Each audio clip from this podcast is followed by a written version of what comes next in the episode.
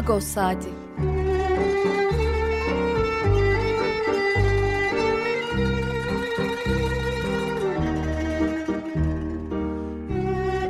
Haftalık Agos gazetesinin penceresinden Türkiye ve dünya gündemi.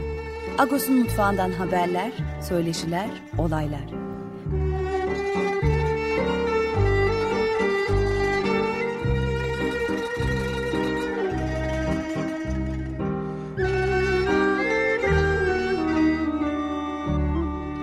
Radyo Agos.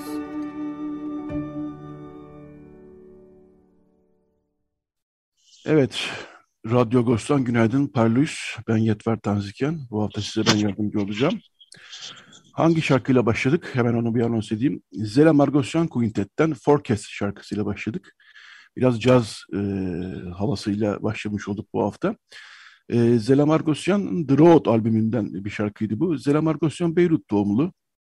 Ermenistan e, daha sonra Ermenistan Gomidas e, konser Ermenistan'a gitmiş ve Ermenistan'da Gomidas Konservatuvarı'ndan mezun olmuş. Daha sonra da Avustralya'ya gitmiş. Avustralya'da, Avustralya'da kurmuş bu grubu. E, Zela Margosyan Quinteti yani. E, farklı farklı milletlerden e, müzisyenler var bu grupta. Ondan dinledik. E, Forecast dinledik. Evet bu hafta ne var?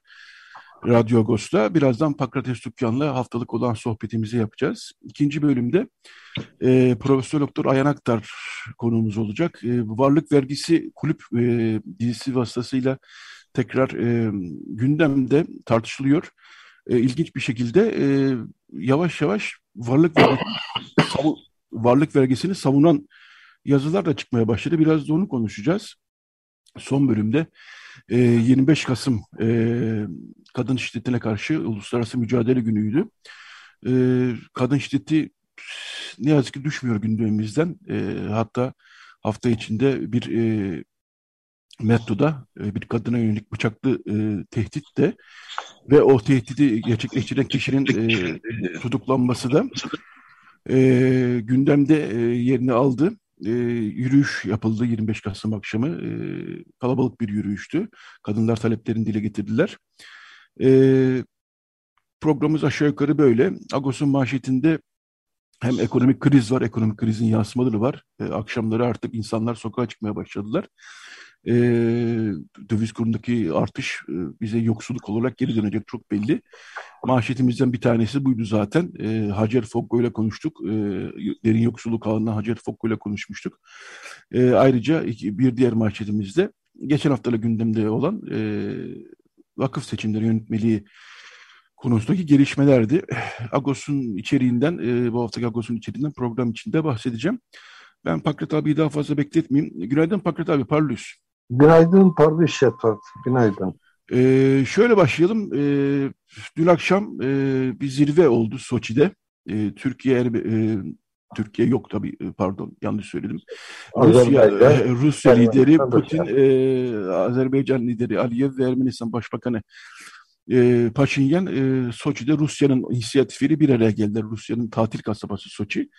E, orada e, Putin'in açıklamalarına bakılırsa olumlu ve yapıcı bir görüşme gerçekleşti ve bu e, bitmek tükenmek bilmeyen sınır meselesiyle ilgili olarak da e, bir mekanizma kurulmasına karar verildi. Yıl sonuna kadar bir mekanizma kurulacak. E, önümüzdeki haftada başbakan yardımcıları, üç ülkenin başbakan yardımcıları daha derinlemesine araştırmalar yapacaklar. E, gelen e, mesajlara bakılırsa olumlu bir görüşme gerçekleşmiş. E, bir de ortak bildiri yayınladı. Bunların hepsini Akos'un internet sitesinde bulabilirsiniz. E, can kaybını durduracak bir gelişme ise e, iyi e, demek lazım. Çünkü hakikaten can kaybı durmuyor ne yazık ki. Geçen hafta e, hakikaten çok e, e, sıkıntılı bir haftaydı. E, bilmiyorum e, var mı ekleyeceğim bir şey Pakrat abi zirveyle ilgili olarak? Zirvenin en çarpıcı tarafı e, Paşinyan'ın e, Brüksel e, toplantısı öncesinde, buluşması öncesinde bir kere daha inisiyatif alması oldu. Yani e, meselenin sahipsiz olmadığını belirtmek için yapılmış bir toplantı izlenimi verdi bana. E, Paşinyan mutlaka e, kendi varlığını teyit ettirmek istiyor. E, benim dışımda başka bir seçeneğiniz yok demeye getiriyor meseleyi. E, gene kapsayıcı çünkü başlangıcında e, toplantının açılışında yaptığı konuşmada e, yüzlerce yıllık bir birliktelikten bahsetmiş e, bir bütünün içerisindeyiz demiş. Yani e, Çarlık Rusyası'nın bir imparatorluk olarak Doğu Ermenistan üzerindeki tahakkümü, Azerbaycan üzerindeki tahakkümü, sonra bunların Sovyet Cumhuriyetlerine dönüştüğü zamanki gene bir kader birliğine vurgu yapmış e, ve e, böylece de hani Batı'yla ne temas ederseniz edin ama işin bu tarafı önemlidir vurgusu yapmış olmuş.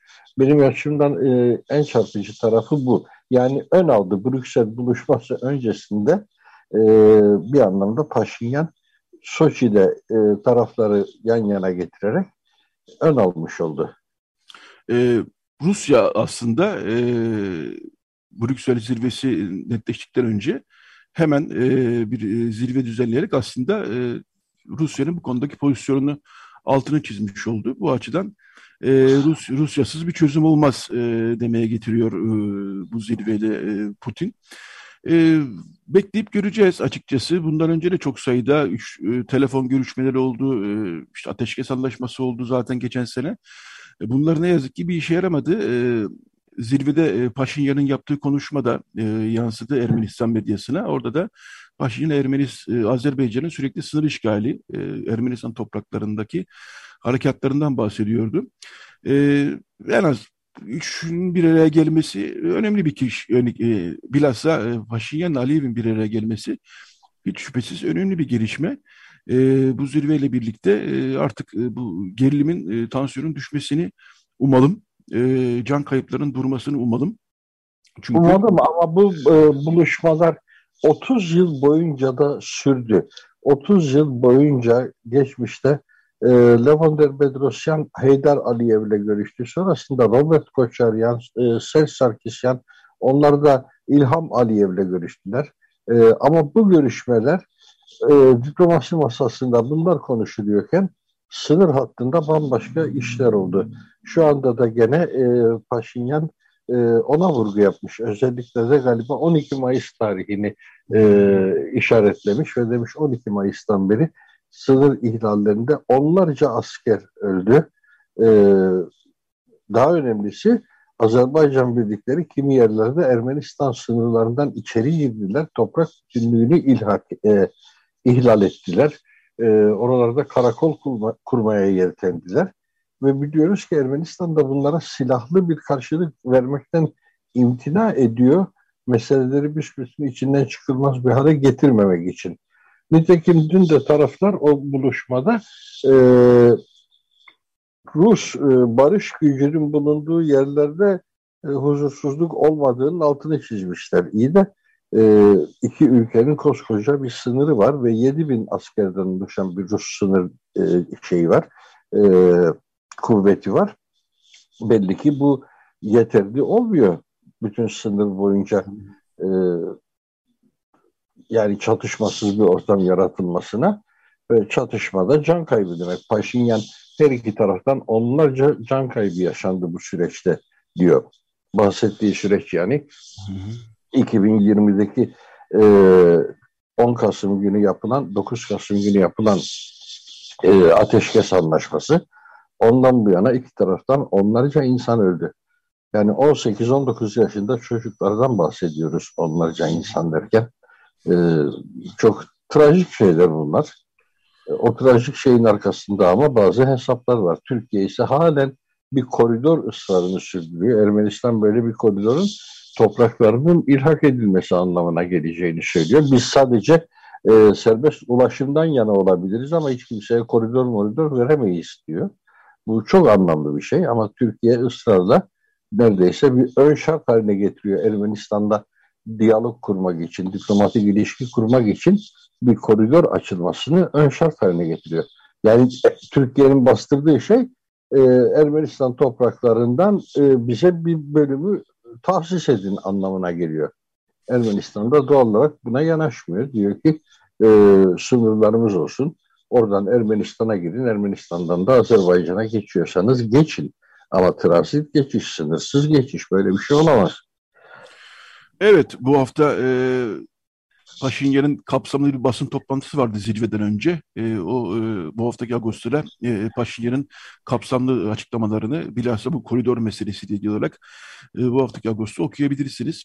Evet, e, Putin e, zirvede Aliyev ve e, Paşinyan'a e, altından birer de zeytin ağacı heykeli e, hediye etmiş. Bu da e, zirvenin e, magazin kısmı e, detayı detayıyla ilgili olarak ilginç bir detay olarak e, not edelim. Buradan e, şey e, şunu şuraya geçelim. E, 28 Kasım e, Tahir Elçi'nin e, Diyarbakır Barosu Başkanı Tahir Elçi'nin öldürüldüğü e, günün yıl dönümü 6. yıl olacak bugün. Bu yıl e, yarın da e, Tahir Elçi anılacak. E, hatta anma e, etkinlikleri dünden itibaren başlamış vaziyette. E, sergiler, konferanslar, söyleşiler Diyarbakır'da yapılıyor. E, Tahir Elçi İnsan Hakları Vakfı Twitter hesabından e, bu etkinlikler e, takip edilebilir. Biz de buradan Tahir Elçi'yi e, analım. E, gerçekten barış için e, çabalayan e, önemli bir e, kişilikti. E, cinayeti ne yazık ki e, istendiği şekilde davası, cinayet davası istendiği şekilde, talep edildiği şekilde adaleti sağlayacak biçimde yürütülmüyor. 6 yıl geçti üstünden gerçekten. Bu konudaki e, Tahir Elçi'nin ailesinin, Diyarbakır Barosu'nun ve hak savunucularının taleplerinde biz de buradan bir kez daha duyurmuş olalım. Çünkü e, sıkıntılı bir e, cinayet davası e, yürütülüyor. E, dediğim gibi... Yürütülmüyor yürütülmüyor yetvar. Yani, yani örtbas edilmiş bir e, cinayet oldu Tahir Elçi davası. Tek bir sanık yok. Tek bir sanığı bile olmayan bir davadan bahsediyoruz. Dolayısıyla bir şey yürütülmüyor. Oysa e, 6 yıl oldu diyorsun. Demek ki ben son 6 yıl boyunca Hrant Dink'in e, cinayetinin her anıldığı, anımsatıldığı ortamda hep Tahir Elçi cinayetini de konuştum. Çünkü ciddi paralellikler var hedef gösterilmesi sonra da e, öldürülmesi sürecinde çok ciddi paralellikler var bu iki cinayet arasında.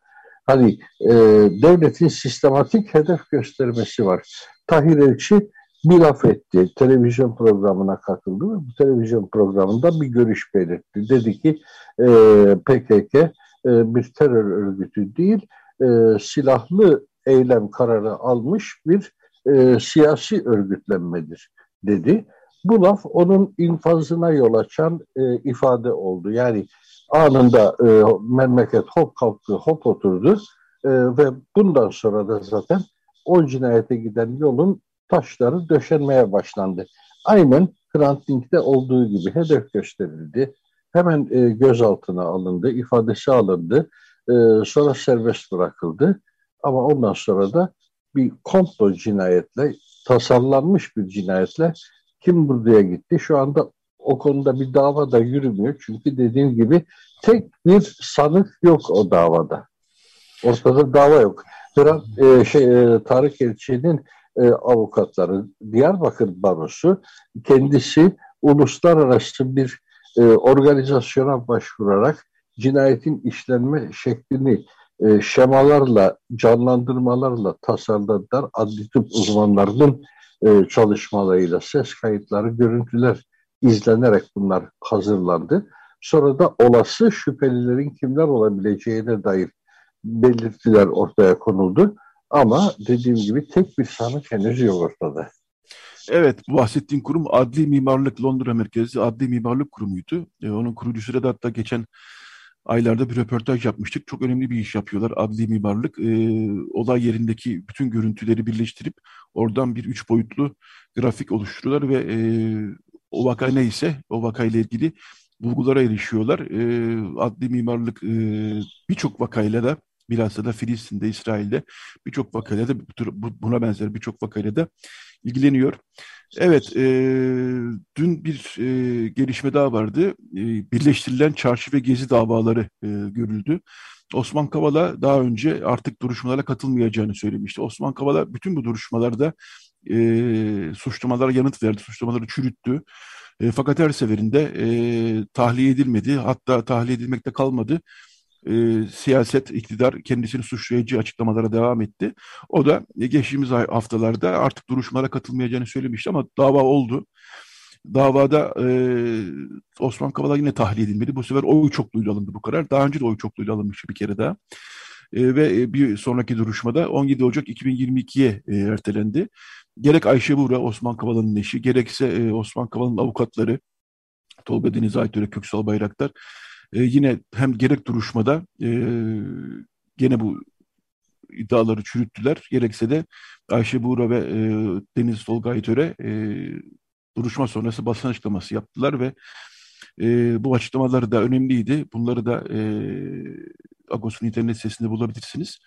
E, burada ilginç bir konu artık e, Avrupa Konseyi eğer e, Avrupa İnsan Hakları Mahkemesi'nin e, kararını yerine getirmezseniz mekanizma başlayacak demişti. O mekanizmanın da yani bir e, yaptırım mekanizması o mekanizmanın da artık e, işlemeye başlayacağını tahmin edebiliriz. E, ne yazık ki burada e, böyle bir sıkıntılı bir durum da var. Sıkıntılının da hafif kalacağı bir durum var. Çünkü Deniz Tolga Aytöre e, kamu gücünün kötüye kullanılmasına girdi artık bu iş dedi. E, Cuma günleri oluyor e, bu duruşmalar genel olarak. Biz de cumartesi sabahları seninle beraber konuşuyoruz. Söylenecek yeni bir söz yok belki ama yine de varsa birkaç cümle yorumunu alayım abi. E şunu söyleyebilirim. E, tabii biz halen meselenin yanlış tarafındayız. Oy çokluğuyla mı karar aldılar, oy birliğiyle mi karar aldılar? Aslında e, bu davayı yargılayan e, yargıçlar kurulunun bir karar alma yetkisi olduğunu hiç zannetmiyorum. Karar onların dışında alınıyor e, tahliye kararı çıkacaksa da onların dışındadır, çıkmayacaksa da onlar inisiyatif kullanıp da büyük iradeye aykırı bir şey yapsalar zaten hemen müdahale ediliyor ondan sonra da. Dolayısıyla bu bir kişi evet çekince koymuş, üç kişilik yargıçlar kurulundan birisi çekince koymuş karara. Dolayısıyla e, çoğunlukla alınmış olmuş ama hepimiz biliyoruz ki o karar e, sarayda alınıyor. O karar mahkemede alınmıyor. Yani o büyük bir hikaye oldu Türkiye'de. Bağımsız yargı vardır lafı. Ee, onun hiçbir geçerliliği yok. Dolayısıyla bu iradede zannediyorum ki e, gitgide artık Avrupa Birliği ile şunla bununla köprüleri atma yönünde bir e, tercih e, geliştiriyor. 30 Kasım'da çünkü e, bahsettiğin Avrupa Konseyi'ndeki e, toplantı var. Türkiye'nin konumu değerlendirilecek. Şüphesiz ki bu duruşmanın sonucu da orada menfi bir not olarak düşünecek, e, göz önüne alınacak. Yani Avrupa İnsan Hakları Mahkemesi kararlarının uygulanmaması, bu aynı zamanda Türkiye'de bir anayasa ihlali anlamına da gelecek bir şey. Çünkü biz o kararların uygulanmasını bir anayasal kural olarak benimsemişiz. O yasayı öyle çıkarmışız. E, ama şimdi artık o yapının dışına itilirsek e, şüphesiz ki daha az başımız ağrıyacak. İnsanlarımızın o mahkemeye başvurma imkanı ortadan kalkacak. Dolayısıyla evet en kestirme ifadesiyle Türkiye'nin başı daha az ağrıyacak. Bir taraftan öyle bir taraftan da e, hükümetin bunu ne kadar umursadığını bilemeyiz ama e, Türkiye ile Avrupa arasındaki e, bağ e, zaten çok artık yok gibi e, sayılabilecek bağ artık tamamen daha da zayıflamış olacak. Bu da e, açıkçası e, çok olumlu bir gelişme değil tabii. Çünkü e, Türkiye'nin genel olarak e, doğrultusu hep e, Avrupa'daki değerlerle, demokrasi değerleriyle, insan hakları değerlerine yakınlaşmak olarak ilan edilirdi. Bunun ne kadar için doldurduğumuz başka mesele. En azından böyle bir e, e sözel olarak e, lafzen böyle bir e, doğrultu vardı. Bu doğrultunun artık e, kalmadığını görüyoruz. E, hemen hemen kalmadığını görüyoruz. E, 2002'den sonra 2002'de e, AKP'nin iktidara gelmesinden sonra e, Türkiye'nin e, 2004 yanlış hatırlamıyorsam aday ülke pozisyonunu alması Türkiye'de önemli bir gelişmeydi. Hatta Türkiye'nin ekonomisi için de açıkçası önemli bir gelişmeydi. Ekonomi konusuna girersek şimdi çıkamayacağız Fakat abi. Dolayısıyla şimdi bu bölümün sonlarına geliyoruz artık ama sıkıntılı bir... Ekonomi e, konusuna ama girmek e, şu anlamda zorundayız. Türkiye ve Avrupa Birliği ülkelerinin ekonomik ilişkileri de çok önemli bir husus. Türkiye halen en önemli ihracat pazarı olarak Avrupa ülkelerini görüyor. İthalat pazarı olarak da orayı görüyor. Yani Türkiye'nin dış ticareti e, Avrupa ile kopamayacak şekilde ilişkili. Avrupalı e, şirketlerin Türkiye'deki yatırımları keza, Türkiye'nin Avrupa'dan ihale alma çabaları keza. Dolayısıyla e, bunu göz ardı edebilecek durumda da değiliz. İşin mutlaka ekonomiyi etkileyecek bir tarafı vardır ve zannediyorum ki e, bizim sadece Avrupa'ya e, sırtımızı dönmemizin, rotamızı e, başka alanlara çevirmemizin bedeli çok farklı tezahür edebilir. Ağır risk taşıyan bir konu bu. Türkiye açısından. Evet politik kültür olarak biz batılılaşma serüvenine başladığımız Osmanlı İmparatorluğu'ndan bu yana hep yüzümüzü batıya döndük. Hep öykündüğümüz alan orası oldu. Oraya entegre olmaya çalıştık. Doğuyu hepten görmezden geldik Cumhuriyet tarihi boyunca. Küçümsedik, e, küstahça küçümsedik hatta. E, Arap dünyasını, İslam alemini, şunu bunu e, batıya entegre olma çabası içerisindeydik. Bugün ise gene politik bir manevrayla, gene ideolojik bagajlarla bunun tersini yapmaya çalışıyoruz. Ee, Hristiyan batıyı işte karalıyoruz, şunu yapıyoruz, dış güçler derken hep e, parmağımız batıya doğru e, hareket ediyor nedense. Ama e, Türkiye'nin ekonomisinin oluşum şekli bu siyaseti kaldırabilecek gibi değil. Evet, e, bu konuyu belli ki daha da çok konuşuruz Fakret abi. Şimdi bu bölümün artık sonuna geldik. Birazdan e, Profesör Doktor Ayhan Aktar'a bağlanacağız. Ona da varlık vergisi, e, tekrar gündemde olan varlık vergisini konuşacağız. Çok Yeni teşekkür... de kitabı çıktı Ayhan Aktar'ın evet, e, evet. Aras Yayıncılık'tan değil mi? Varlık vergisi ee, yani Yeni baskısı çıktı daha doğrusu. Daha önce iletişimde. Evet, evet, evet. Onun, onu da konuşacağız. Evet. Ee, çok teşekkürler Pakrates Sükyan. Bu haftaki olan sohbetimize gerçekleştirmiş olduk. Ee, sağ olasın. Ee, sana iyi bir hafta sonu diliyoruz. Evet, ve, e, evet. ve kolay gelsin diyoruz. Çok teşekkürler, sağ olasın. Teşekkürler. İyi olsun. Teşekkürler. Şimdi e, açılışta Zela Margosyan Quintet çalmıştık. E, tekrar bu bölümü de e, reklamdan önce bir şarkı daha çalalım Zela Margosyan Quintet'ten. Şunç yani Efes e, şarkısıyla. E, reklama gidelim. Reklamdan sonra e, Ayaklar Hoca ile birlikte olacağız. Evet, Zela Margosyan Quintet'ten dinliyoruz. Şunç. Radyo Agos.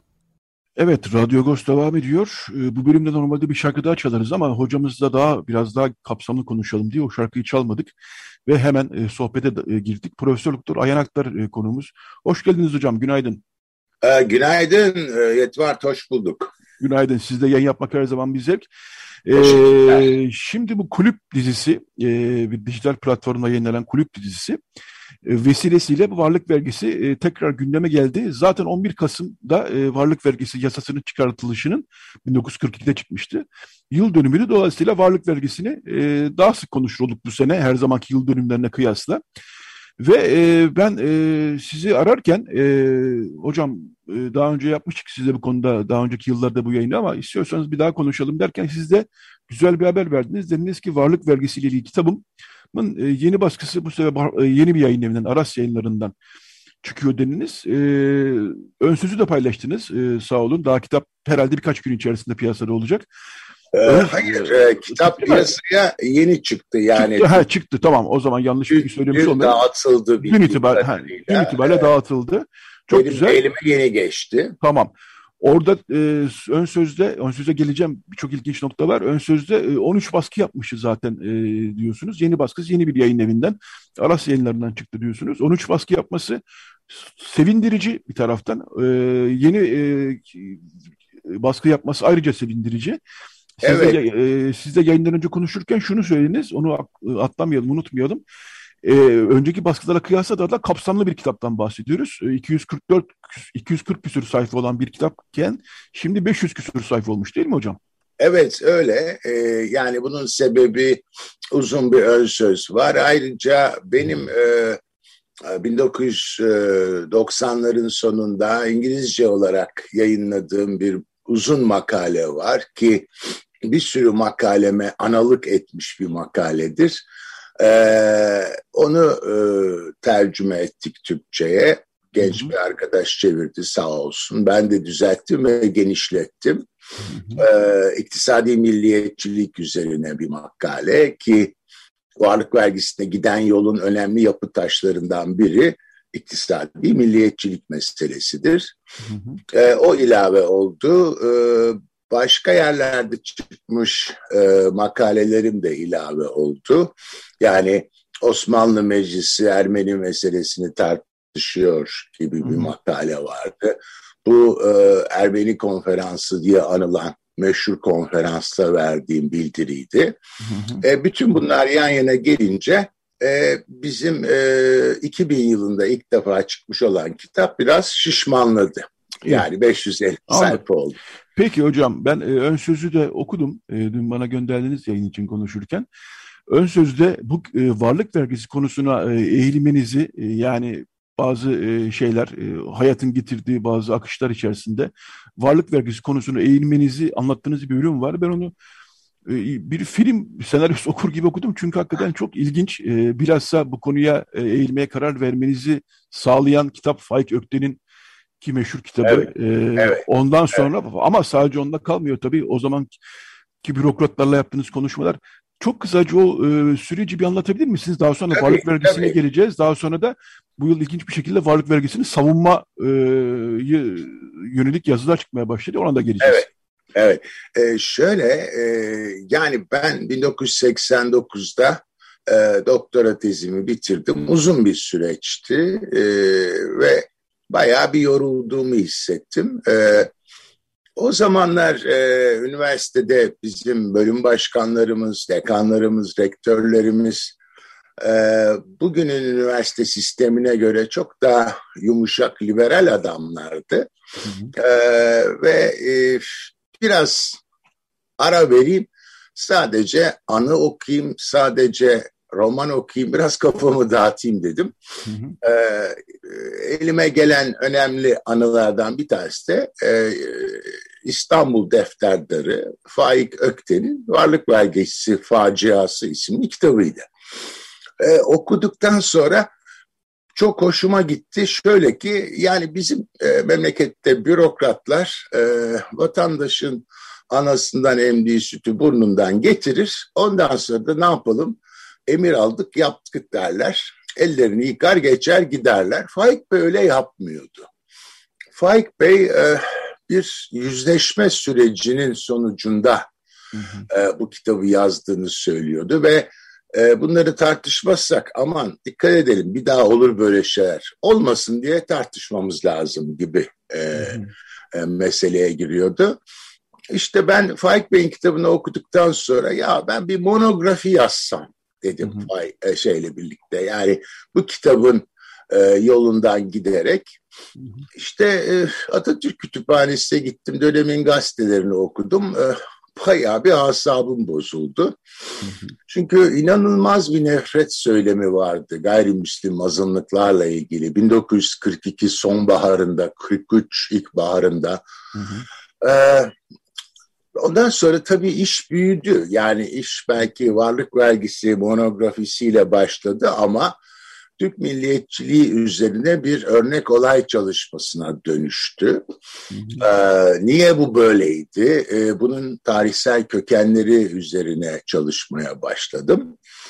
Ee, bu çerçevede tabii serde sosyologluk olunca E, işte 90'lar e, yine o döneme e, yaşayan insanların hala etrafta bulunacağı bir dönemdi. Hı hı. E, varlık vergisini ödemiş olan insanlarla ve onların birinci derece yakınlarıyla mülakatlar yapmaya başladım.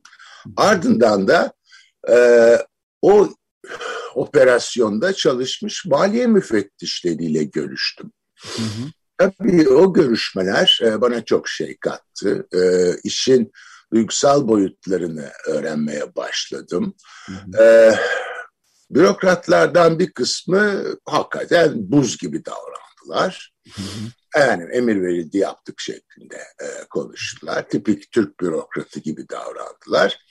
Bir kısmı ise içlerini döktüler. Sanki böyle bir şey bekliyorlarmış gibi sormuyor. Evet yani sanki biri gelip e, bunları sorsun diye bekliyorlarmış gibi. Ee, o ikinci bölüm e, bende çok yerde etti açıkçası. E, adamlar bir rahatladılar. Hepsi rahmeti rahmana kavuştu e, zaman içinde. Çoğunun ölüm e, ilanını gördüm gazetelerde. E, birisinin e, cenazesine gitmek imkanını da e, buldum kendimde. Ama yani e, onların e, ses kayıtları falan hala durur bende ve çok e, çok ufuk açıcı bir şeyler oldu ve tabii e, yani e, Burada çok çok kısacık bir araya gireceğim hocam. E, hemen söz size bırakacağım. En kritik e, noktalardan bir tanesi sanıyorum tabu kayıtlarına ulaşabilmeniz. Yani mülkün evet. nasıl el değiştirdiğine dair verilere ulaşabilmeniz ve bu da sanıyorum Marmara Üniversitesi'ndeki e, bölüm baş yani çünkü tabudan şey istiyorlar. Siz o zaman üniversiteden kağıt getirin bize diyorlar. Öyle açarız size kayıtları diyorlar. Doğru. Siz de Marmara Üniversitesi'ndeki o zamanki e, yanlış söylemiş olmayayım e, dekana gidiyorsunuz Rektör. galiba. Rektöre gidiyorsunuz e, özür dilerim. Ee, evet. Ve o rektörü de e, çok büyük bir saygıyla ve sevgiyle anıyorsunuz. Çünkü o rektörün e, verdiği izin olmasa muhtemelen belki de o tabu kayıtlarına ulaşamayacaktınız. Bilmiyorum. Doğrudur. Ee, tapu e, grup müdürü vardı. Rahmetli Fikret Sinirlioğlu. Hı hı. Fikret Bey e, bu e, dataya, bu arşive bakabilmen için bunlar insanların özel mülkiyetleriyle ilgili kayıtlardır. Hı. Akademik çalışma için bakılabilir ama bunun için bana kağıt getirmen lazım dedi. Ben de Ömer Faruk Bey'e gittim. Ömer Faruk Bey rahmetli maliye profesörüydü. Ee, anlattım durumu. Ayhan dedi bu bir rezalettir zaten. Ee, bunun e, maliye ilmiyle falan alakası yoktur bu varlık vergisinin dedi.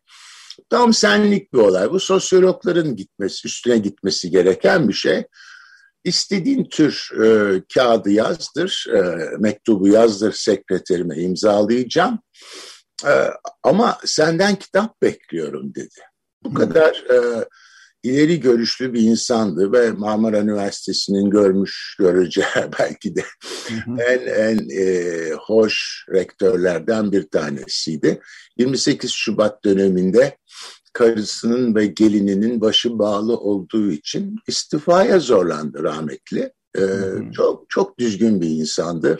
Hep rahmetle yad ederim kendisini. Evet, böyle e, ilginç yardımlar oldu. Ee, hiç unutamayacağım. O yüzden bu ön sözde bahsetmek lüzumunu hissettim. Çünkü ben varlık vergisiyle ilgili ilk yayınımı 1996'da yaptım. O makale var bu derleme içinde. Yani çeyrek yüzyıl önce, 25 yıl önce yapmışım. Ee, daha sonra da yayınlar yaptım. Ee, bir de şöyle oluyor Yetvart, bir konuyla insanın ismi birlikte anılmaya başlayınca evet, artık o, o konuyla konu... ilgili hep evet. yeni malzeme sana geliyor. Yani Doğru. bu böyle bir e, araştırmacı kaderi diyeceğim. Hı hı. Ee, ne bileyim Atina'da bir konferansa gittiydim. Akademik bir konferans. E, e, bir hanımefendi geldi İstanbul Rumu Niki Hanım. Hı hı. Dedi ki benim dedem Yorga Hacı Dimitriadis Aşkale'ye yollandı ve günlük tutmuştu. Hı. Yapmayın falan. E, evet ben bunu yayınlamak istiyorum dedi. E, vallahi yayınlayalım o zaman dedim. Ve hı. daha sonra e, 2011 senesi galiba Yorga Hacı Dimitriadis'in Aşkale Günlüğü yayınlandı. Ona uzun bir yazı yazdım. O da çıkacak yakında Aras yayınlarından. Ee, böylece e, varlık üzerine e, bir bilgi birikimi ben oluştu. Ama bunun bir kötü tarafı da var. Başkaları bu işlere çok merak etmedi, girişmedi. Bu da bu da işin tatsız tarafı. Evet. Ee, çünkü e, daha yapılacak çok şey var. Örneğin varlık vergisi sırasında e, bireylerin meclise dilekçe yazma hakkı var ki binlerce dilekçe gidiyor meclise. Bunlar bir yerde meclis arşivinde var. Olduğunu biliyorum. E, bana da söylendi. Ama bir türlü açıklanmadı, ortaya çıkmadı. Şimdi orada her dilekçe bir hikaye demektir. E, umarım bunlar okuyucunun, e, bilim adamlarının e, e, hizmetine, incelemesine açılır ve genç arkadaşlar bu işlere niyet ederler inşallah. diye umut evet. etmek istiyorum. Evet. Şöyle devam edeyim hocam. E, bu yıl e, yayının girişleri söylemişim. E, kulüp dizisi vesilesiyle bu konu daha çok konuşulur oldu. Evet. evet. Daha çok konuşulur olması iyi bir şey ve daha fazla insan gerçekten e, ne, biz ne kadar yayınlar yapsak da işte röportajlar yayınlasak da bu aslında işin gerçeği e, sınırlı bir çevrede e, yani kitaplarında baskılar yapıyor ama bir dizi e, gerçekten bir de Salkım Hanım'ın taneleri vardı film olarak. Bu da çok e, geniş ses yaratmıştı ama kuşaklar değişiyor. O filmi hatırlayan kimse kalmadı belki genç kuşakta. Evet. E, bu açıkçası iyi bir şey oldu. Böyle olunca da bir benim gözlemim bilmiyorum. Bakıldı ki e, yani bundan önceki yıllarda bu kadar e, şey olmuyordu. Savunma mekanizmaları son 10 yıl için en azından söyleyebilirim diziyle birlikte birdenbire Cumhuriyet Gazetesi'nde bir yazı çıktı. İşte ne yapsalardı efendim bu zaten bilinmemiş bir savunma mekanizması değil. Savaş koşullarıydı efendim ne yapsalardı falan diye bir e, mekanizmayı savunan bir yazı çıktı. O yazı evet. daha sonra Cumhuriyet Gazetesi, e, Hürriyet Gazetesi'nde Yalçın Bey'in köşesinde iktibas edildi. İşte efendim ne yapsalardı mantığını e, över bir şekilde. E, sanıyorum e, bu tür bir e, dizinin e, bu konuyu yaygınlaştırmasıyla o e, klasik devlet milliyetçi görüş, e, ulusalcı görüş diyebilirim veyahut da. Bir daha hortladı. E, evet öyle mi oluyor bilmiyorum yani çünkü evet, son, evet. Aşı, daha önce eskiden vardı bu varlık vergisiyle ilgili savunmalar. Son 10 yıldır sakinleşmişti ortalık. Böyle bir hani kimse savunmaya geçmiyordu. Diziyle birlikte sanıyorum böyle bir savunma mekanizması tekrar e, geri mi dönmüş oldu? Havurtlamış mı oldu sizin tabirinizde ne dersiniz? E, şimdi şöyle e, e, ben e, yayınlarımı yaptıktan ve 2000 senesinde kitap halinde çıktıktan sonra e, tipik reaksiyon eh savaş içindeydik e, hazine tam takırdı ne yapsaydık yani Hı. şeklinde bir e, sizin de bahsettiğiniz savunma mekanizması Hı. ya da inkarcı görüş diyelim isterseniz ortaya evet. E, hatta benim görüşme yaptığım ve benle görüşürken çok eleştirel olarak meseleye bakan rahmetli Cahit Kayra Maliye Müfettişi oturup bir kitap da yazdı. Ee, yani savunan e, bir kitap evet. yazdı. Şimdi bakın biraz teknik gidelim isterseniz. Hı hı. Savaş içinde e, birçok Avrupa ülkesi e, e, olağanüstü savaş kazançlarını spekülatif rantları vergilendirmek için vergi yasaları çıkarttılar. Biz bunu biliyoruz. Var böyle şeyler. Ama e, Faik Bey'in anılarını dikkatli okuduğumuz zaman bu konular tartışılırken Faik Bey diyor ki ya peki e, böyle bir yasa çıkaralım e, iyi ama ondan evvel bir şey yapalım diyor bir mal beyanı isteyelim Türk vatandaşlarından diyor. Yani kimin ne kadar e, şeyi mal varlığı artmış. Ve bu somut mal beyanı üzerinden gidelim biz diyor. E, bu görüş kabul görmüyor maliyet çevresinde. E, sebebini soruyor Faik Bey. Diyorlar ki ya o zaman milletvekillerinden de mal beyanı istemek lazım evet. Yani bal tutanın parmak yaladığı bir e, evet. dönemden bahsediyoruz. Ve bu olmayınca bu sefer bu sefer e, son derece e, bilim dışı, maliye bir bilimdir işin sonunda bir takım yöntemler kullanıyorlar.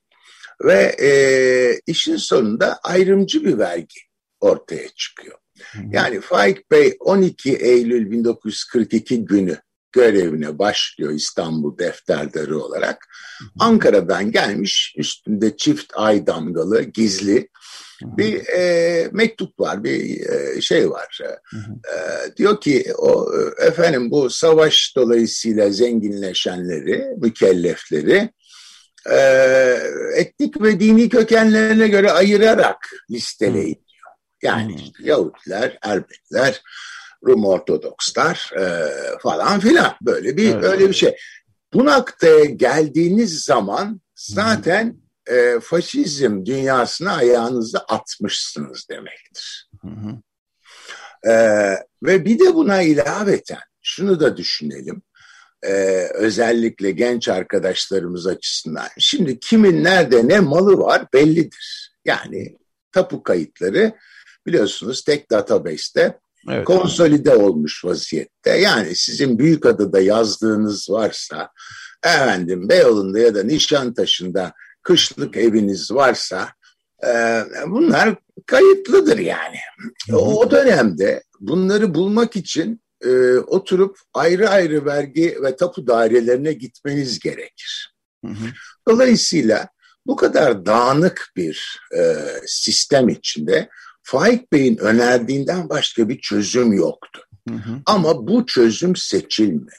Evet. Mesele budur. Hı hı. Yoksa vergi konmuş olması mesele değildir. Vergi konabilir. Hı hı. Devletin vatandaşlarına vergi salma hakkı vardır. Hı hı. Devleti devlet yapan temel niteliklerden bir tanesidir. Ama bunu nasıl yaptığınız önemlidir. Bir de hafif e, magazin bir örnek vereceğim. Hı hı. E, keyfi uygulamalar vardır. Mesela e, 1942'de e, böyle e, zampara diyebileceğimiz evet. amiyane tabirle bir kereste tüccarı var. İsmi. Parseh Gevrekyan. Hı hı. Genç, yakışıklı bir adam.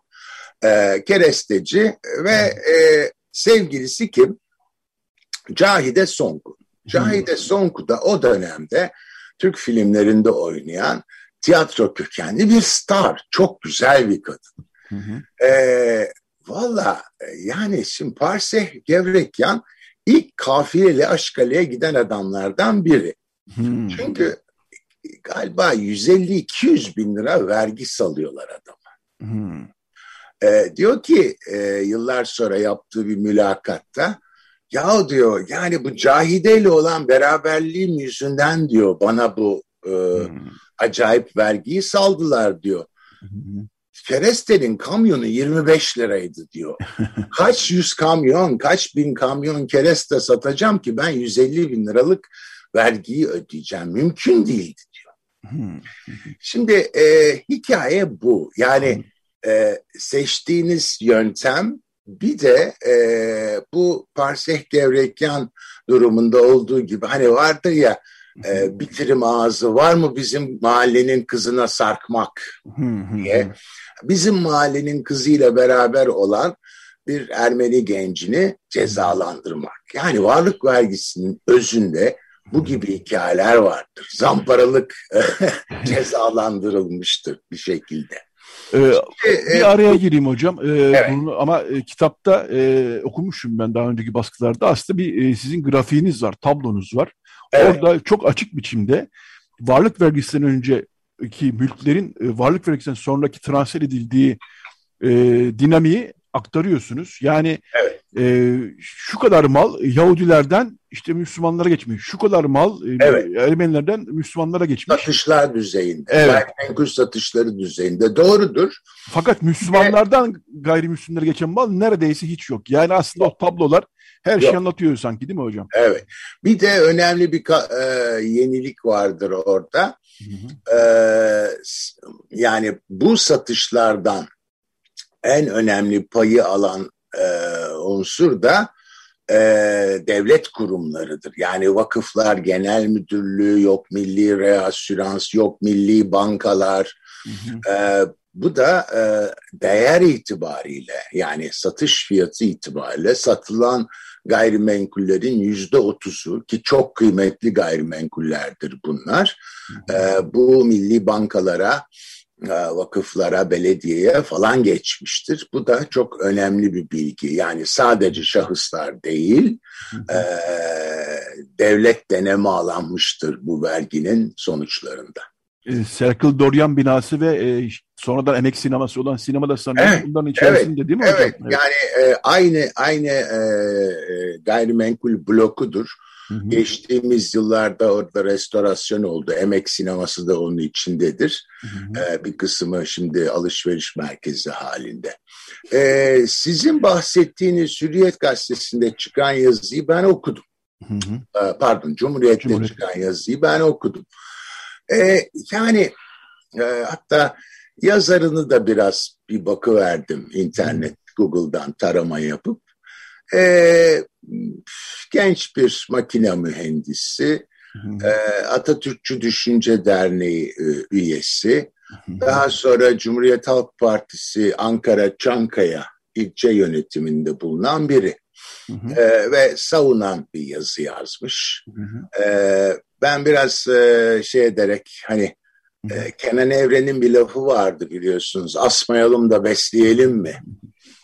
Hı e, işte bu tip yazılarda e, aynı şekilde aynı mantık ne yapsaydık yani yazılarıdır. E, e, yani e, mal beyanı isteseydiniz doğru düz bir vergi çıkarırdınız ama derdiniz o değil herhalde diye cevap veriyor insan kendi kendine. Hı hı. E, siz kaçırmışsınız onu da başka bir arkadaşım hatırlattı. Hı hı. Oda TV'de 14 Kasım'da çıkan bir e, şey var onların web sitesinde. O da Yalçın Küçük'ün 2011'de yayınlamış olduğu bir yazıyı tekrar yayınlıyor. Hı hı artık o yazının detaylarına giremeyeceğim. Ee, evet. Kusura bakmasın kimse. Evet. E, o biraz böyle şey e, e, science fiction e, evet, evet, gibi. E, yani Yalçın Küçük'le ilgili rahmetli Can Yücel güzel bir laf ettiydi. Yalçın hmm. küçüktür ama mide bulandırır diye. O tip bir yazı işte. Hmm. Bunlar e, bunlar artacak e, hmm. Yetmez gördüğüm kadarıyla. Hı. Artacak çünkü sadece konu e, şey değil, kulüp dizisi değil, başka hı. konu da var. Mesela Cumhuriyet Halk Partisi Genel Başkanı Sayın Kılıçdaroğlu'nun helalleşme hı hı. E. O helalleşme nedir ne değildir konusunda bir beyanatta bulunurken varlık vergisinden de bahsetti. Hı hı. Şimdi o ön sözde de fark ettiysen yeni bir e, son 4-5 sene belki daha yoğunlaşarak yeni bir e, akım var, yaklaşım var. O da şu. E, yani e, Atatürk döneminin ya da işte tek parti döneminin herhangi bir e, icraatına E, katiyen eleştirel yaklaşmak doğru değildir. Ee, efendim biz son yıllarda yaşadığımız AKP macerasıyla bunun daha kötülerini gördük. Ondan sonra bu itibarla esas mesele bu AKP şeyinden kurtulmaktır. Lütfen hedef şaşırtmayalım gibi bir yaklaşım. Şimdi tabii bu yaklaşımı ortaya koyanlara insan durup dururken bir soru sormak istiyor. Ya çok haklısınız siz e, Tayyip Erdoğan'ın tek adam rejiminden bahsediyorsunuz. Peki acaba İsmet İnönü'nün tek adam rejimi olan milli şef rejimiyle şu içinde yaşadığımız rejim, rejim arasında belli bir akrabalık ilişkileri var mı yok mu? Hı hı. Birbirlerine benziyorlar mı benzemiyorlar mı? Hı hı. Acaba Tayyip Bey'in ilham kaynakları içinde e, milli şef rejimi olabilir mi? Hı hı. Bu meşru bir sorudur. Evet. E, bu, soru sorulmuyor Türkiye'de ve bu soruyu sormaya başladığınız an e, halk düşmanı ilan ediliyorsunuz. E, dolayısıyla e, böyle bir işte son 10 yılda kaybettiklerimizi aman geri toplayalım bir Kemalist restorasyon dediğim bir çaba var. Ee, ee, hocam e, çok kısa ara gireceğim. Bu bölümün son iki dakikasına girdik. E, çok kapsamlı evet. bir konuya girdik. O yüzden e, şey yapmak istedim. Evet. Araya evet. girmek istedim. Bu çünkü evet e, benim de gözlerim bir konu. E, reak her e, egemen e, siyaset daha doğrusu bir reaksiyoner e, şeyde yaratıyor. Bizdeki reaksiyonerlikte e, o döneme, tek parti dönemine geçmek evet. zorun e, gitmek ve o tek parti dönemini de şey yapmak, e, kutsamak neredeyse e, evet, aşamasına evet. geliyor. Bunlar gerçekten şey e, önemli konular. Sizin sözünüzü kesmek istemedim ama derin bir konuya girdik. Uzun uzun konuş uzun uzun konuşmamız gerekiyor. Evet, reklam evet. arasını kaçırmak imkan ihtimali doğdu. O yüzden araya girdim hocam. Son bir dakikamızda o zaman şunu sorayım ben size. Buyurun. Daha çok alınacak yol var herhalde değil mi hocam? Bu Trakya vesilesi 1934 Trakya olayları pogromu demek lazım belki. Yani biz e, daha baktık işte hepsine yakın dönemdeki meselelere baktık filan diyoruz ama hala aslında e, çalışmalar yapmak gerekiyor gibime geliyor. Evet çok haklısınız. Ee, yani e, maalesef zamanın ruhu e, bu tip çalışmaların yapılmasının önünde bir engel. Ee, şöyle söyleyeyim. E, benim kitabım 2000 yılında ilk çıktığında e, Türkiye tartışan bir Türkiye'ydi. Yani sabah saat 3'e 4'e kadar siyaset meydanı programlarında akla gelen her şey, her konu konuşuluyordu. Şimdi e, aman açtırma kutuyu söyletme kötüyü ya şimdi bırak bu lafları zamanı mı kardeşim gibi bir hava içindeyiz. E, ben bunu çok e, e, tatsız bir şey olarak görüyorum. E, ve başka bir şey daha söyleyeyim. Yani ben üniversitede ders veren bir insanım giderek bu konularda çalışma yapmak isteyen genç insanların sayısı maalesef azalıyor Yetvart. Çünkü çocuklar korkuyorlar. Yarın öbür gün iş bulamayız, kimse bize kadro vermez. Aman yarabbi doçentlik sınavında e, bu yayınlarımı ne yapsam acaba saklayamam. Kimse artık bir şeyini saklayamaz Google dünyasında.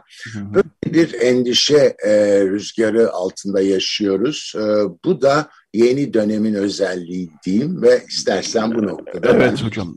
Ee, çok teşekkürler. Tam zamanında e, gelmiş olduk. Çünkü saat 10 oldu. Artık bir reklam arası vermek gerekiyor. E, çok derin bir konu, çok saatlerce konuşabileceğimiz bir konu. E, tekrar konuşabiliriz. Tekrar konuşuruz. Kitabınızın yeni baskısı hayırlı olsun hocam. Varlık ve Çok teşekkür ederim. E, yayına katıldığınız için ayrıca teşekkür ediyorum. E, iyi bir ben hafta teşekkür sonu, ederim. İyi bir hafta sonu diliyorum hocam. Evet, bu, e, direkt reklama gidiyoruz. Şarkı çalacaktık, ona da vakit kalmadı. E, iyi çalışmalar hocam. Tekrar teşekkürler e, yayına katıldığınız için. Sağ olun. Çok sağ olun. Evet, e, ona beş kala bir şarkı çalardık. Onu çalmıyoruz. E, sohbet çok güzeldi. Hemen reklam arasına gidiyoruz. Daha sonra Avukat Deniz Bayram'la e, kadına şiddet konusunu konuşacağız. Evet, bir reklam daha sonra Radyo Agos devam edecek. Radyo Agos. Evet, Radyo Agos devam ediyor. Ne dinledik? Dan Garibian Trio, Afame de Efemere şarkısını dinledik. Dan Garibian Fransa'da e, yaşayan, e, orada müzik yapan bir müzisyen. E, Braş grubuyla da uzun süre müzik icra ettiler. Şimdi Dangaribian Trio şimdi değil, yıllar önce Dangaribian Trio'yu kurdular. Önemli bir müzisyen. Şarkılarına sık sık yer veriyoruz Radyo Agos'ta. Evet bu bölümde Avukat Deniz Bayram konuğumuz 25 Kasım kadına şiddete karşı uluslararası mücadele günüydü. 25 Kasım akşamı kadınlar sokağa çıktılar. Her ne kadar polisin e, saldırısı olduysa da abluka altında e, yine de bildirilerini okudular. E, bunu konuşacağız. E, kadına yönelik şiddet ne yazık ki gündemimizden çıkmıyor. Cinayetler sürüyor. Üstelik de İstanbul Sözleşmesi'nden çıkıldı. Avukat Deniz Bayram İstanbul Sözleşmesi'nden çıkılmasına karşı e, yürütülen mücadelede de e, emek veriyor. Çok çeşitli kadın örgütlerinde de e, faaliyet gösteriyor. Günaydın Deniz Hanım, hoş geldiniz yayınımıza. Merhaba, günaydın. E, bu hafta sizlere bir röportajımız var e, Ağustos'ta zaten. E, şöyle başlayalım istiyorsanız. 2021 nasıl geçti? Kötü geçti herhalde değil mi? Hatta kabus gibi diyebilir miyiz? Evet oldukça. E, 2021 yılı kadınlar için çok zor bir yıldı. Aslına bakarsanız Türkiye'de e, kadınların haklarına yönelik saldırılar, e, hukuki kadınların haklarını hukuki güvence altına alan yasalara karşı e, saldırılar, bu yasaların hedef haline getirilmesi e, Türkiye'de son birkaç yıldır tanık olduğumuz e, bir durum. E, fakat özellikle 2021 yılında e, İstanbul Sözleşmesi'nin e, feshedilmiş olması bir gecede bir imzayla İstanbul Sözleşmesi'nin artık Türkiye'de e, yürürlükte ol, olmayacağına olmasına dair bir karar alınmış olması ve e, nihayetinde de bütün toplumsal mücadelelere rağmen sözleşmenin yürürlükten kaldırılmasına ilişkin sürecin işletilmiş olması aslında kadınlar açısından son birkaç yılın e, son bir e, son birkaç yıldır bu yasal güvencelere yönelik tehditin e, son aşaması haline geldiğini e, söyleyebiliriz.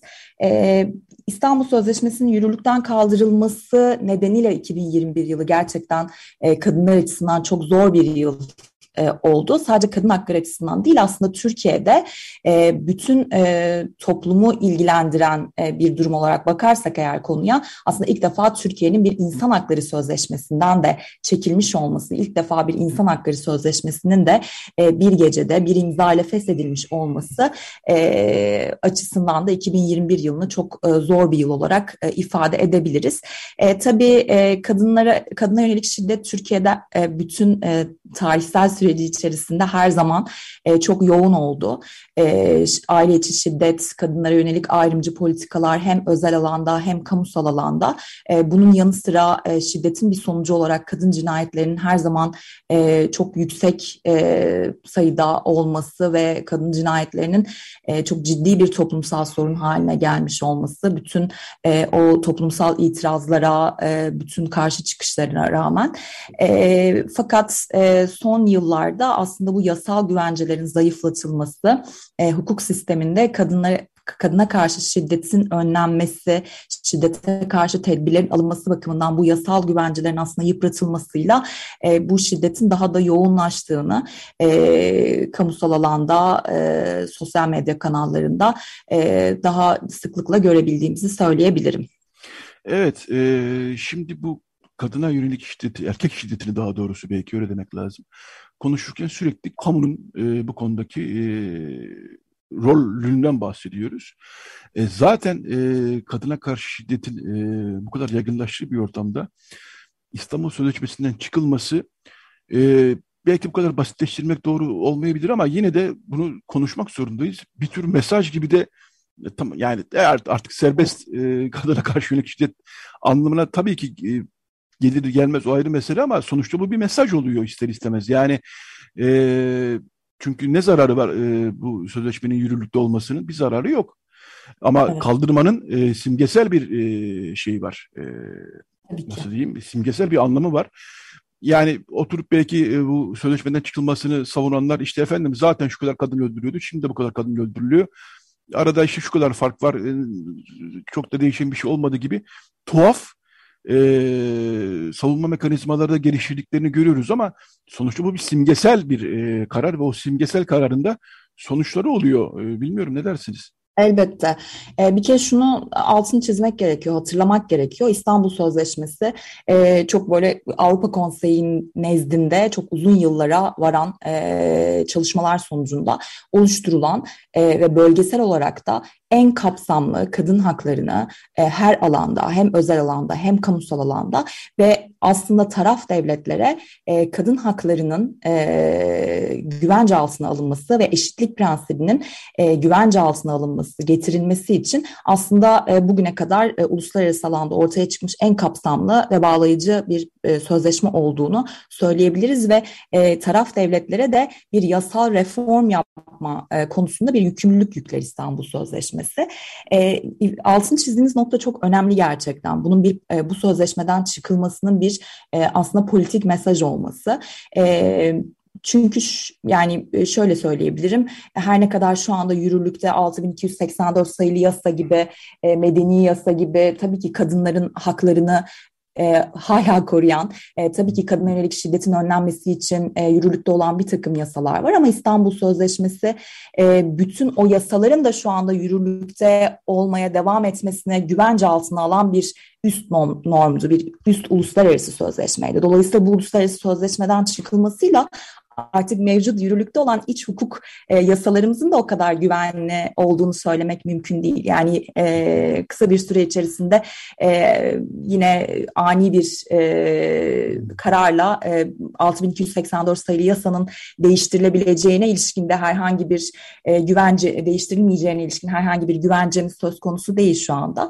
E, İstanbul Sözleşmesi işte taraf devletlere iç hukukunun e, kendi yasalarının da e, kadın erkek erkek eşitliğini, toplumsal cinsiyet eşitliğini sağlama, e, cinsiyet, cinsiyet kimliği ve cinsel yönelim temelli ayrımcılığı ortadan kaldırma gibi ve yasaların da buna ilişkin yasalarında e, en doğru şekilde, en iyi şekilde hazırlanmasını ve yürürlüğe konması şeklinde bir yükümlülük yükler. Dolayısıyla şu anda biz iç hukukumuzdaki yasaların, yasal güvencelerinde aslında o kadar güvenli bir alanda olmadığını söyleyebiliriz.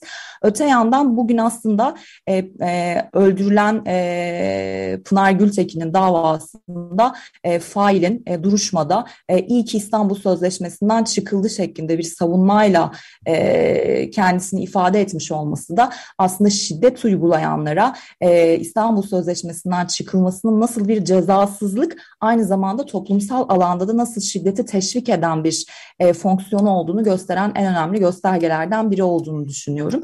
E, İstanbul Sözleşmesi toplumsal alanda çok önemli, e, çok ciddi bir tartışma konusu haline geldi. E, artık e, kadın hakları açısından bir nevi bir temsil e, aracı görüyordu.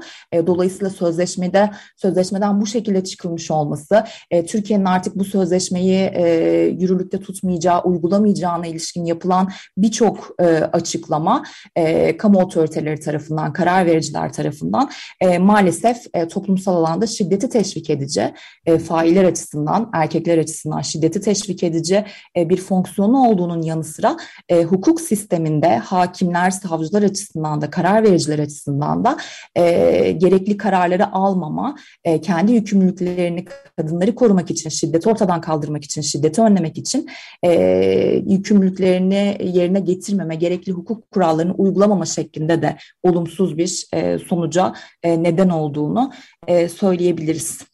Evet, tam da burada şunu e, bu kadar e, can sıkıcı gelişmenin içerisinde e, şunu hatırlamak herhalde iyi olur. Kamunun e, ne kadar e, önemli olduğunu, e, kamu otoritesinin pozisyon olmasının konulara ne kadar önemli olduğunu gösteren bir örnekti.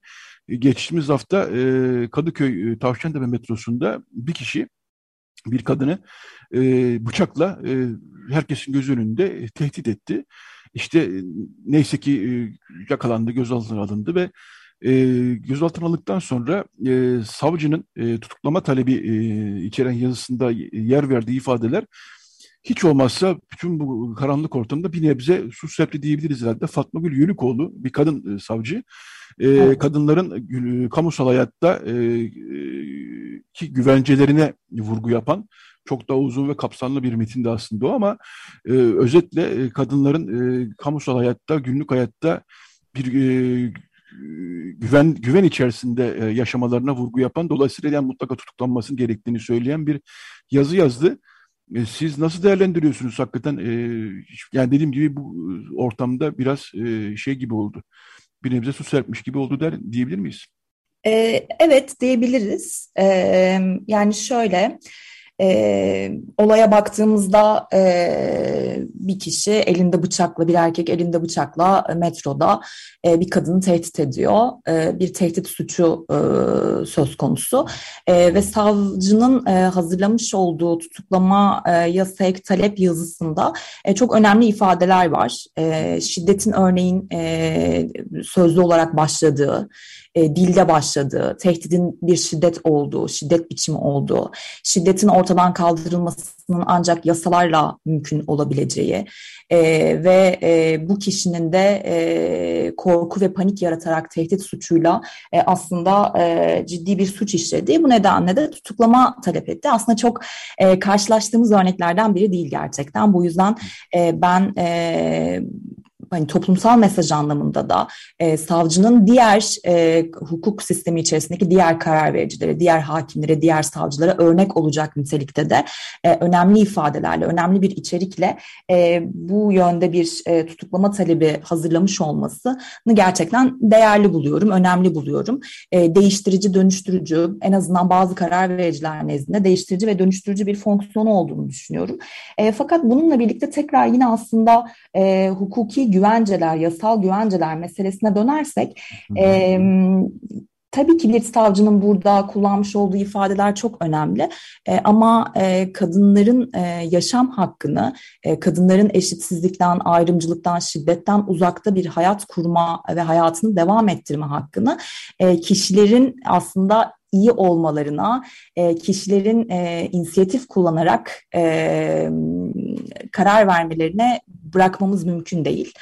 E, bu savcı çok e, iyi bir içerikte ve doğru bir karar alarak e, tabii burada bir parantez açmak gerekirse şunu da çok önemli olduğunu düşünüyorum. Tehdit her zaman e, tutuklamaya konu yapılmıyor. E, fakat burada özellikle e, işte elinde bıçak göstererek ve tehdit ederek e, yapılan tehdidin yani e, kadınlara yönelik erkeklerden en ufak bir tehdidin bile anlık bir şekilde kadın cinayetine dönüşebileceğine, e, ciddi bir şiddet eylemine varabileceğine, ciddi bir suç işlenebileceğine, dolayısıyla önceden tedbir alarak tutuklama tedbirinin de söz konusu olması gerektiğine ilişkin de e, bu bu açıdan da önemli bir karar gerçekten önemli bir e, adım.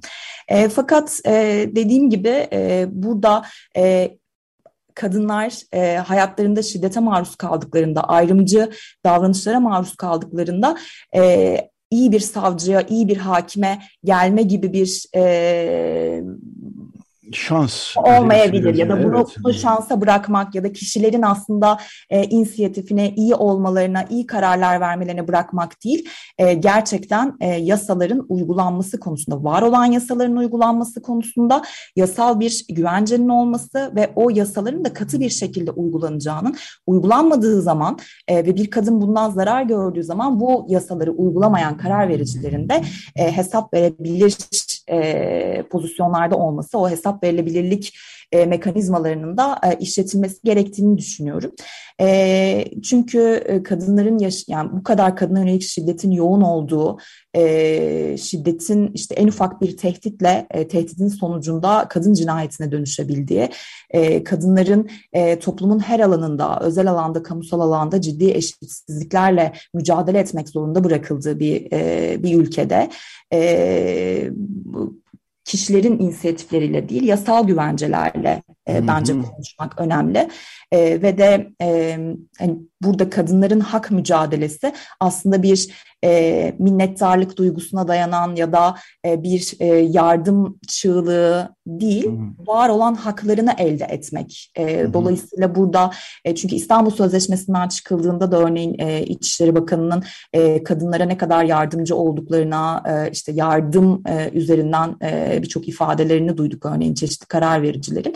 E, burada kadınların herhangi bir şekilde e, yardıma e, ihtiyaçları ya da bir minnettarlık hissedecekleri bir talepte bulunmuyorlar. Kendi var olan haklarının hukuk sistemi içerisinde güvence altına alınmasını ve uygulanmasını talep ediyorlar. Dolayısıyla konuya da her zaman bu yönden bakmanın önemli olduğunu düşünüyorum. Ama kesinlikle savcının yazmış olduğu yazının çok kıymetli. Kadına yönelik şiddetin nasıl tehlikeler içerebileceğine ilişkin bir fikir vermesi e, açısından e, çok kıymetli ve özellikle diğer savcılar yani e, diğer hakimler, diğer karar vericiler açısından dönüştürücü bir e, rolü e, olacağını düşünüyorum.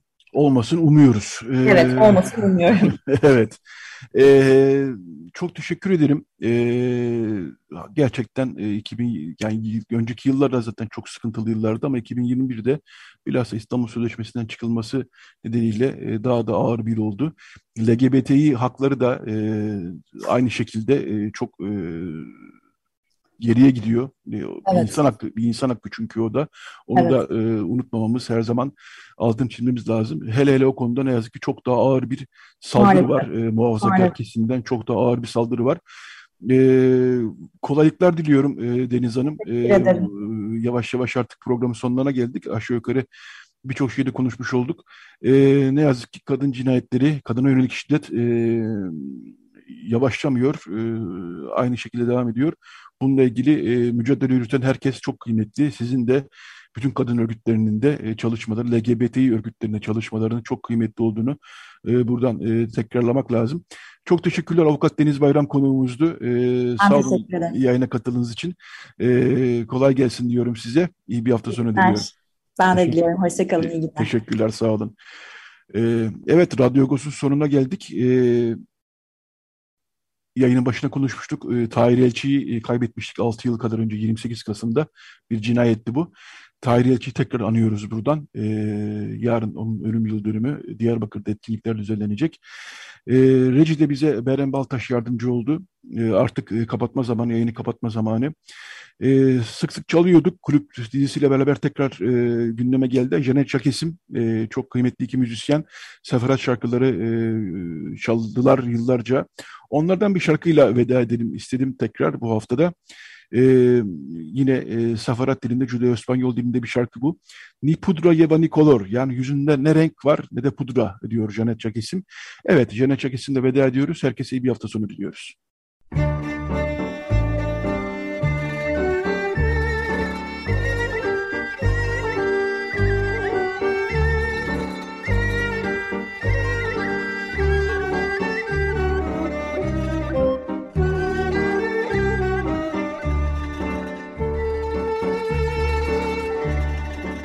Agos Saati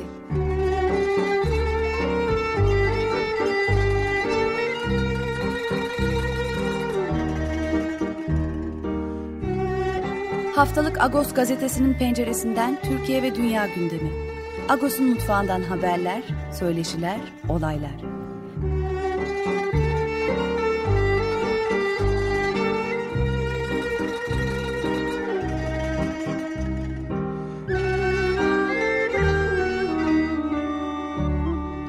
Radyo Agos